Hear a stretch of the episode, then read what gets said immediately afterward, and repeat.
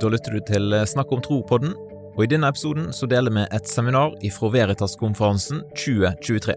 Veritas-konferansen er et samarbeid mellom Bibelskolen i Grimstad, Laget og kommunikasjon- og livssynsstudiet ved NLA Kristiansand. For mer informasjon, sjekk ut veritasnorge.no.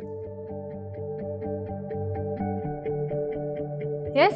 Um, jeg eh, har for anledningen tatt på meg alvoret mitt i dag. Eh, jeg vet ikke om dere har sett Avatar, eh, men eh, ja. Og så skal jeg ha på litt musikk for å sette inn i stemningen. Jeg skal ta dere med på en reise til et annet univers, inn i et fantasiunivers. I C.S. Lewis sin bok 'Malakandra' så blir Elvin Ransom, som er språkviter og lærer ved Cambridge, han blir kidnappet av et par menn og tatt med til Malakandra, som vi kjenner som planeten Mars. Og da han forstår at han er fraktet dit av mennene for å være et levende menneskeoffer som skal gis til noen av planetens beboerne, de fryktinngytende sornene, som er lange, bleke vesener som lever på planeten, så klarer han å rømme.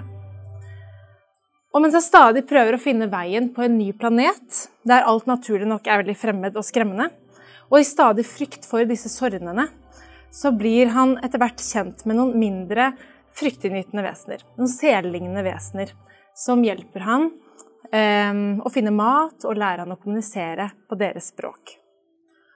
Og han bor hos dem og lærer å leve på deres måte. Og de lærer han opp i kunnskap og visdom om de ulike vesenene som finnes, og om alle tings orden. Og Ransom hadde ikke forventet å lære noe av disse marsboerne. Eh, men gjennom en vandring så ser vi at Ransom stadig åpner seg opp for å lære nye veier, og innser at veldig mange av de tingene som man har tatt som sant og for gitt på jorda, ikke nødvendigvis er det riktige i det store bildet i universet.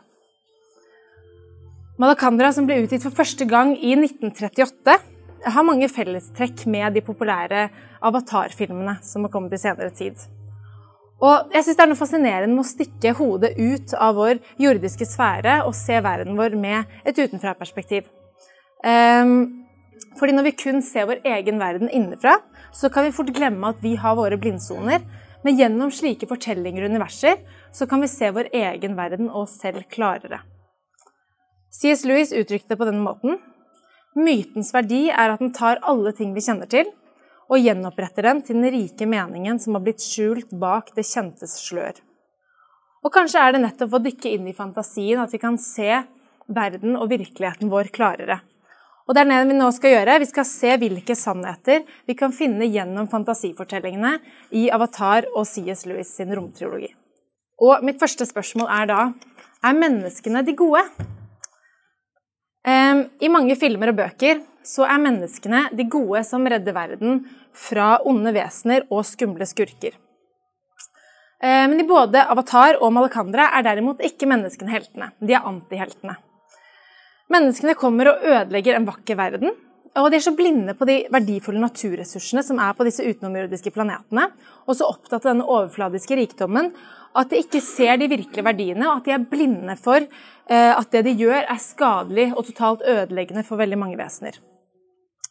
Og for de uskyldige skapningene som bor på Malakandra og Pandora i Avatar, eh, så er dette noe helt nytt og fremmed. Det at noen kan finne på å gjøre så mye skade, er helt utenkelig for dem. Og selv ikke når de blir fortalt at mennene gjør dette her for å tjene penger på det, som kan gjøre at de nyter livet bedre, så forstår de det bare ikke likevel. Det er helt utenfor deres villeste fantasier. Og vi kan derfor i dette se litt hvordan mennesket er en fallen rase. Um, fordi selv om um, ikke alle av oss er kriminelle, så kan vi lett se eller forstå hvorfor folk kan ty til ondskap for å tjene penger på det. Fordi vi ser det hele tiden, og det skjer gjennom og har skjedd egentlig gjennom hele vår historie. Eh, og hvis noen gjør noe småshady, så kan vi lett eh, unnskylde det med at eh, ja, ja, men ingen av oss er perfekte.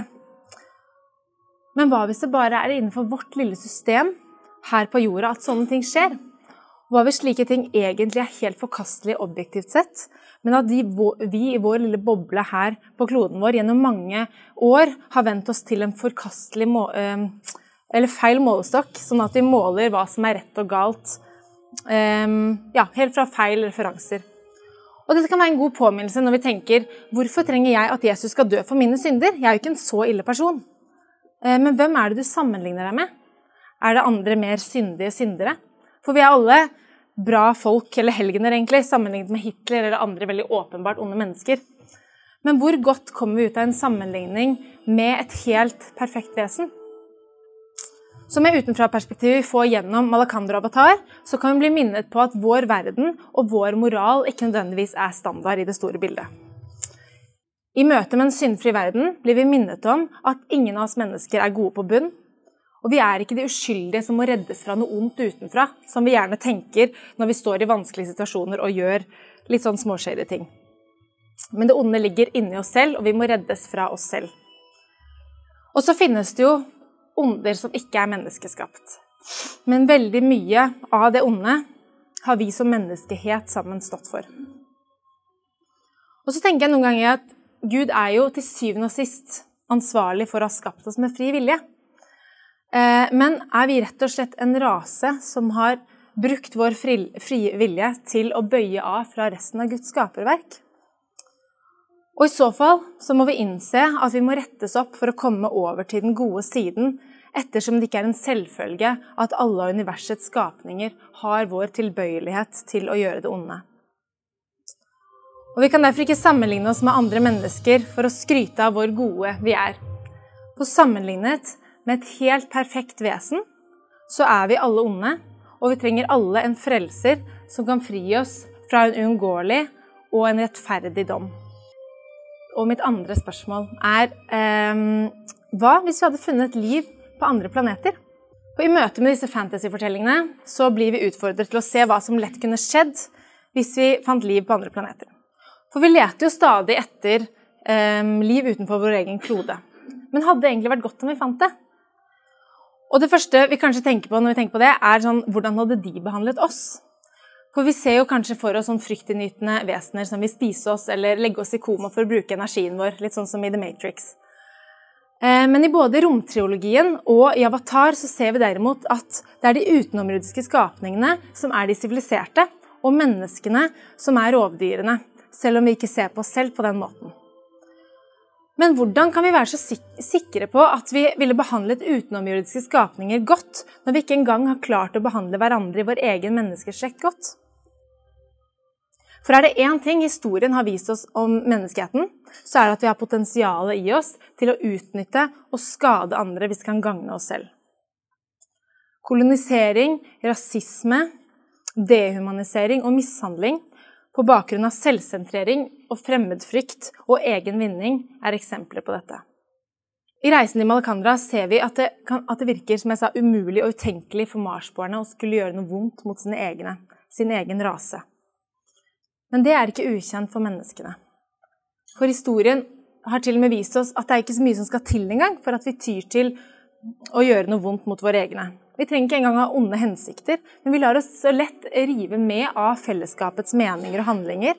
Og selv om samvittigheten vår strider imot det, eh, så ender vi opp med å bli medskyldige og gjøre onde ting. Og dette ser vi alt fra barn i skolegården som eh, henger seg på mobberne istedenfor å stå opp for dem som blir mobbet, til vanlige oppegående tyskere under krigen som ble revet med av nazipropagandaen istedenfor å tenke selv over hva som var rett og godt. Vi må heller ikke bli blinde for vår tids ondskaper og tro at menneskenes ondskap ligger i fortiden, og at vi nå har lært og kvittet oss med ondskapen. For menneskenaturen har ikke forandret seg. Og dens ondskap vil alltid vise seg på ulike måter. Men det er ikke alltid så lett at vi ser det i vår egen tid og vår egen samfunnsboble. For vi blir jo så lett blinda på det som er i vår egen tidsalder. Men som samfunn og som menneske står vi ansvarlig for hvordan vi er med og former den verden her videre. Og som kristne så kan vi heldigvis hvile i at Jesus har dødd for våre synder. Både de tingene vi har gjort feil, og de tingene vi har latt være å gjøre. Men vi må likevel ta vår oppgave på denne jorda på alvor og være lys og salt i denne mørke og råtne verden og vise mennesker hvem som er veien ut av dette mørket. Og så er det ikke sikkert at vi noen gang finner eh, utenomjordisk liv. Enten fordi det ikke finnes, eller fordi vi ikke finner det. Men hvis vi skulle gjøre det, så er det utrolig viktig at vi ikke er historieløse, men vel vitende om at vi som menneskehet ikke har noe godt rulleblad når det gjelder hvordan vi behandler andre mennesker som er annerledes enn oss selv, selv innenfor vår egen menneskerase. Vi har foraktet og fryktet det som er ukjent og fremmed, og noe som fort kunne komme til å skje igjen hvis vi fant noen på en annen planet. Men enn så lenge, mens vi venter på svar fra det ytre rom, så kan vi i hvert fall minne oss om denne lærdommen å være bevisst på vår egen tilbøyelighet til ondskap, nettopp for å kunne adressere det og jobbe mot det, både i samfunnet og som enkeltmennesker, og med Guds hjelp, da. Selvfølgelig. Mitt tredje spørsmål er hvordan ser vi på det som er annerledes? Jeg har nå sagt at vi mennesker ikke er gode på bunn, ehm, og at vi i lys av vår verdens historie må være bevisst på hvordan vi som mennesker har en tilbøyelighet til å være med på onde handlinger selv om vi ikke ser på oss selv som onde mennesker. Og kanskje særlig i møte med det som er ukjent og annerledes. Så jeg vil gå litt enda grundigere inn på dette her, hvordan vi møter og ser på det som er annerledes. For Sett fra menneskenes perspektiv så er både Navi-folket eh, på planeten Pandora i Avatar og de ulike vesenene på Malakandra eh, både ekle, stygge, primitive og usofistikerte fordi de er annerledes enn oss. Um, og vi ser at menneskene, bortsett fra de som etter hvert blir mer åpensinnede, uh, tenker at de er umoralske og uintelligente, i motsetning til oss menneskene. Og at de er en laverestående rase som naturlig sett burde vært underlagt oss mennesker. Og at vi som mennesker har en rett, ja til og med en plikt, til å innta deres samfunn og lære, lære dem opp i å gjøre ting på vår måte. At vi har en rett til å kolonisere dem at vi burde gjøre dem mer lik oss. For vi er jo de siviliserte. Se på alt vi har fått til.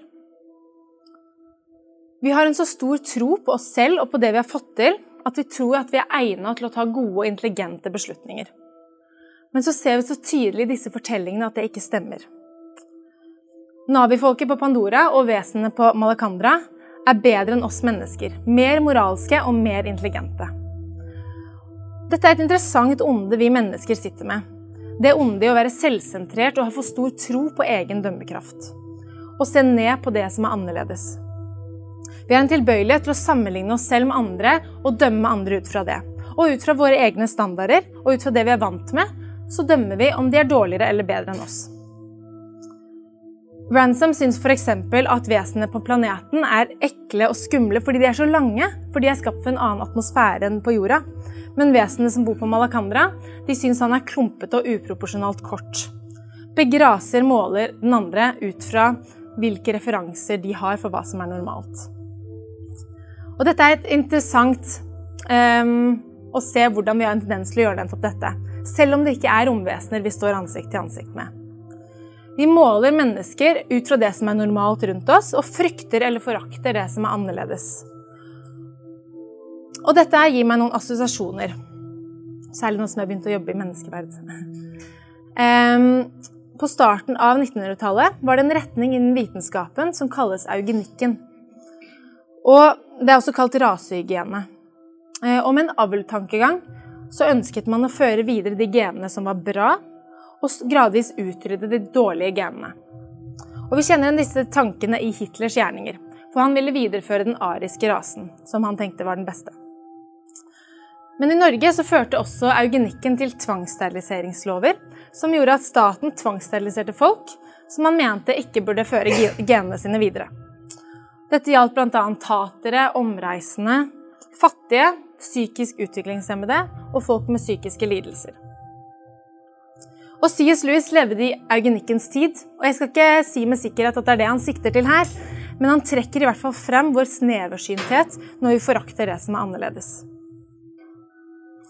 Og så er det jo lett da, for oss som sitter her i dag, å se ned på tidligere samfunn um, og liksom få grusomheter de har gjort, ut fra deres bakstreverske tanker om det som er annerledes, som har ført til usiviliserte handlinger. Som f.eks. eugenikken og generelt rasisme og fordommer, egentlig. Men hva med oss? Eh, jeg nevnte tidligere at vi har vår tids ondskaper, men at vi som samfunn er blinde for vår egen tidsalder. For det skjer jo alltid. Så jeg vil være litt mer konkret her. I dag er vi jo veldig opptatt av mangfold og inkludering. Og vi ønsker å løfte frem at det er bra at de er forskjellige.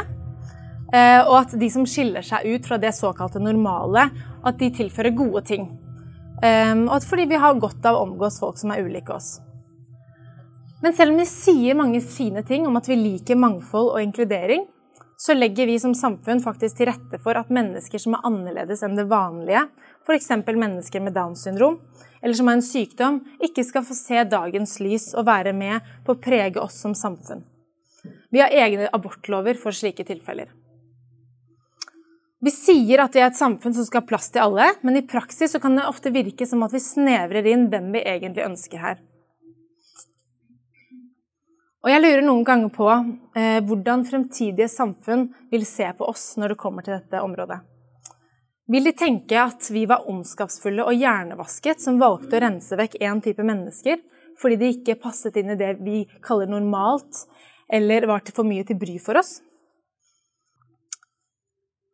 Vi ser verden med vårt lille, snevre blikk. Og vi har det med å dømme alt som er fremmed og annerledes. Men det at noe er annerledes, gjør det ikke nødvendigvis mindreverdig. Så i møte med potensielle aliens, eller bare i møte med vår neste som har en annen kultur, en annen bakgrunn, religion eller funksjonsevne, så la oss møte dem med nysgjerrighet istedenfor fordommer, og la oss se verden med deres øyne. Mitt neste punkt er er vi villige til å adlyde det vi ikke forstår, med fornuften? I Malakandra og Perelandra, som er bok to av triologien, eh, så møter vi skapninger som ikke er falne. Og En måte det gjør seg utslag på, er at de er avhengig av sin skaper. Vi ser, um, vi ser, også i Avatar at naviene lever i pakt med skaperverket og skaperen av alle tings Eller også, som er alle tings opprettholder. Selv om Avatar bygger på et litt annet verdensbilde egentlig enn det kristne. Men vi ser likevel noen likheter her. Um, alle disse vesenene lever i, i, konstant pakt med opprettholderen av verden, og tar det som en selvfølge at skapningen er underlagt skaperen. Og De er til og med så uskyldige at de ikke kan forstå hvorfor man skulle ønske å gjøre opprør mot det. Så I bok to av triologien til Louis uh, så ankommer altså Ransom, uh, som er med i nummer én, han ankommer planeten Perlandra, som vi kjenner som Venus. Uh, og så møter han den første kvinnen der dronningen på planeten.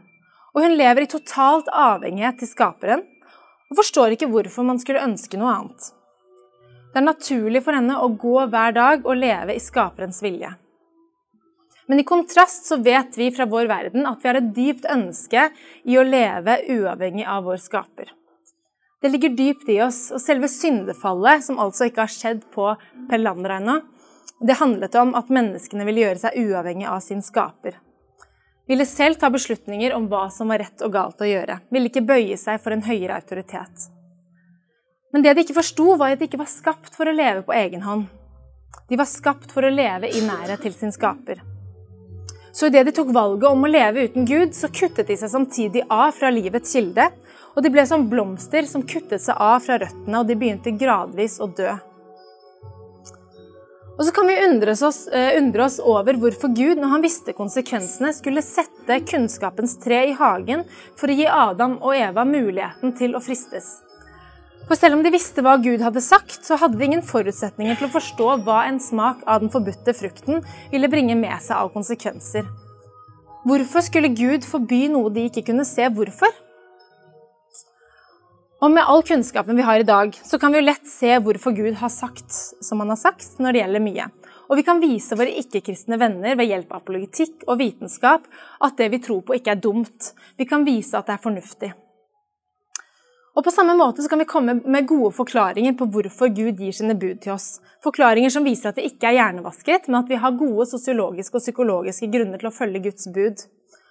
Og jeg er veldig for å vise ikke-kristne at vi ikke kaster bort hjernen vår for å ta imot troens gave. Eh, og Det er jo bl.a. derfor vi er her på Veritas, for å lære mer om sånne ting. Ehm, men midt i det hele kan det være at vi noen ganger glemmer hva det vil si å ha Jesus som herre. Og at vi glemmer at det er, og at det alltid vil være, annerledes enn verdens tenkemåte.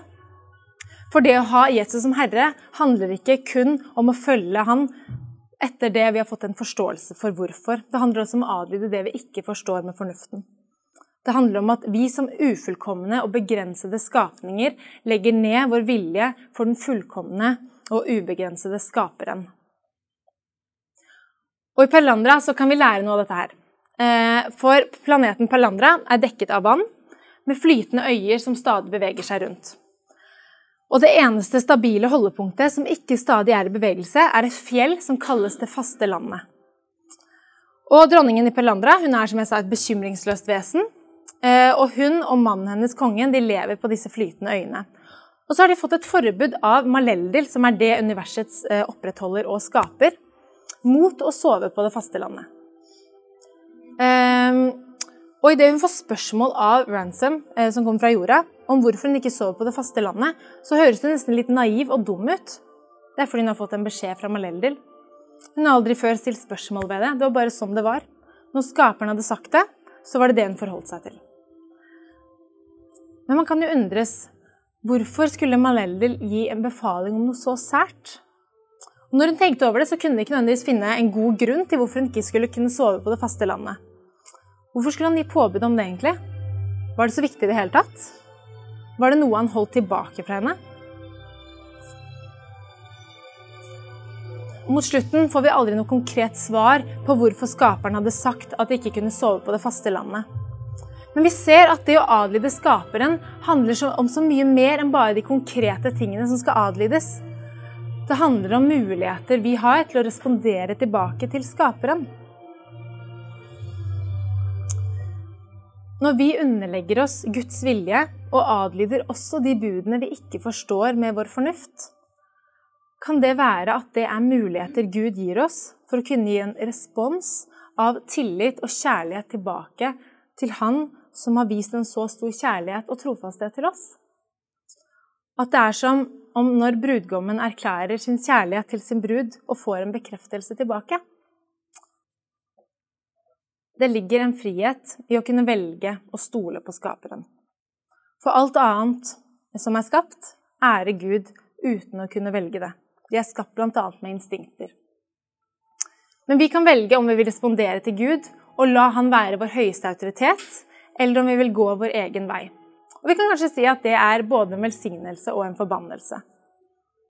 For det ligger et onde i at vi ønsker selv å være den høyeste autoriteten. Så la oss bruke vår frie vilje til å legge den under Gud, og adlyde også de tingene vi ikke forstår med vår fornuft. Og så må vi jo selvfølgelig hele tiden likevel søke etter forståelse eh, for hvorfor. Eh, og det er jo som sagt derfor vi er her. Men at vi ikke venter med å liksom adlyde til vi har en forståelse for alt. For det tror jeg ikke vi noen gang kommer til å få på denne siden. Ønsker du å lære mer om kristen tro? og kanskje ha en digital dialog med en kristen e-coach? Sjekk ut nettkursene på kurs.omgud.nett. Eller kanskje kjenner du noen som kunne hatt glede av et sånt nettkurs? Da håper jeg at du har lyst til å sende deg et tips om den muligheten. Nettkursene er selvfølgelig 100% gratis.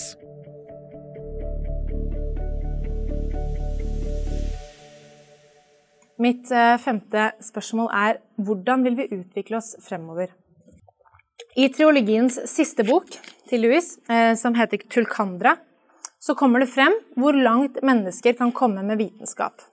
Og det reiser spørsmålet hvilke grenser skal vi eh, sette for vitenskapen? Skal vi la vitenskapen ta oss så langt den kan, eller skal vi begrense den? Og I denne debatten vil vi som i alle andre steder møte mange ulike syn og holdninger. Noen mener vi bør benytte, av, benytte, oss av vitenskapen så langt det lar seg gjøre. Men romtriologien derimot, så, og også veldig mange sci-fi-filmer og bøker, advarer oss mot å la vitenskapen løpe løpsk. Vi må begrense vitenskapen ved hjelp av etikken, og ikke la vitenskapen få gå så langt den vil. For utvikling er ikke fremskritt hvis det fører oss tilbake moralsk. Og C.S. Lewis reflekterer over dette et annet sted. Ikke direkte i forbindelse med vitenskap, men i forbindelse med det at bare vi, bare vi går lenger fremover på tidslinjen, så tror vi at vi går fremover moralsk. Og Vi ser ofte den typen argumentasjon i dag også. Vet ikke om dere har hørt det, Vi lever tross alt i 2023. Som om det skulle være et argument for at vår samtid og vår kultur ikke har blindsoner, og at vi selvfølgelig vet bedre enn det de gjorde før. Vi går ikke fremover på den moralske linjen selv om vi går fremover på den vitenskapelige. Folk som tenker sånn, kan lett tenke at kristne og konservative stemmer er bakstreverske, siden man ikke bare blindt blir med på alt hva tidsånden krever. Men dersom utviklingen ikke fører oss fremover moralsk, så er det bedre å snu, for da er det ikke lenger fremskritt. Så vi må alltid la etiske vurderinger få styre hvordan vi vil bruke den vitenskapen vi har tilgang på. Og dette blir stadig mer aktuelt med ny teknologi. Og med bioteknologiens rasende fart så kan vi snart, som transhumanismen jobber for, merge mennesker og maskin. Og ikke minst har vi allerede tilgang på tester som gjør at vi kan styre det biologiske liv. F.eks. har vi teknologien til å velge vekk de babyene som ikke har de kvalitetene vi ønsker. F.eks. kromosomavvik som fører til Downs syndrom, eller ulike sykdommer. Hvordan vil dette kunne utvikle seg? Hvis noen sykdommer og avvik eh, skal være grunnlag for å ikke bli født, vil da rommet for det som er normalt, gradvis bli smalere? Vil vi etter hvert tenke at det er greit å fjerne fostre som har anlegg for bipolaritet, autisme, ADHD, depresjon? Vi er alle enige i at en verden uten sykdom og lidelse hadde vært det beste. Men hvis vi fjerner mennesker for å oppnå dette målet, er det da verdt det? Vi må passe på at vi som samfunn på veien mot utvikling, forbedring og perfeksjon ikke utvikler oss mot å bli kaldt, smalt og kynisk, for det er ikke fremgang. Vi må jobbe for et samfunn som er godt, i den forstand at vi verner om de svakeste av oss. Og Det kristne budskapet formidler at alle mennesker, uansett nytteverdi eller kvaliteter, er like verdifulle. Og det er en selvfølge for oss, og det er en selvfølge for alle som har vokst opp i Norge med den kristne kulturarven. Men det er ikke en selvfølge i utgangspunktet. Og på sikt, i et samfunn som stadig blir mer sekulært, så vil det ikke lenger være en selvfølge. Men vi som vet at Gud elsker hvert enkelt menneske, og som vet at Jesus kom til jorden og døde for hvert enkelt menneske, har muligheten til å være hans armer og bein mens vi lever her, og kjempe for at samfunnet ikke mister synet av den ukrenkelige verdien til hvert enkelt menneske i denne vitenskapelige utviklingen. Men at vi kan verne om de svakeste i samfunnet på denne veien. Mitt sjette spørsmål er hva er vi skapt for? Det er noe forskillende eh, med fantasyfortellinger som tar oss med til en annen verden og et annet univers. Selv så blir jeg helt fortrylt av sånne fortellinger, som dere ser med alvøret. Eh, og jeg syns det er veldig interessant at veldig mange andre også blir det. I 2009 så var det til og med mange som beskrev noe som har blitt kalt post-avatar depression syndrome. En tilstand av depresjon fordi man ikke ville returnere tilbake til sitt liv og vår egen verden etter å ha sett det vakre Pandora-universet i Avatar. Og jeg tror at um, det handler om at slike fantasyfortellinger gir oss et glimt av noe vi lengter etter. En verden vi lengter etter. En vakker verden. Jorden var en gang et paradis, og vi ble skapt for det. Og nå ser vi kun konturene av det. Det er fortsatt mye godt i denne verden, men det er også mye ondt. Mye er ødelagt.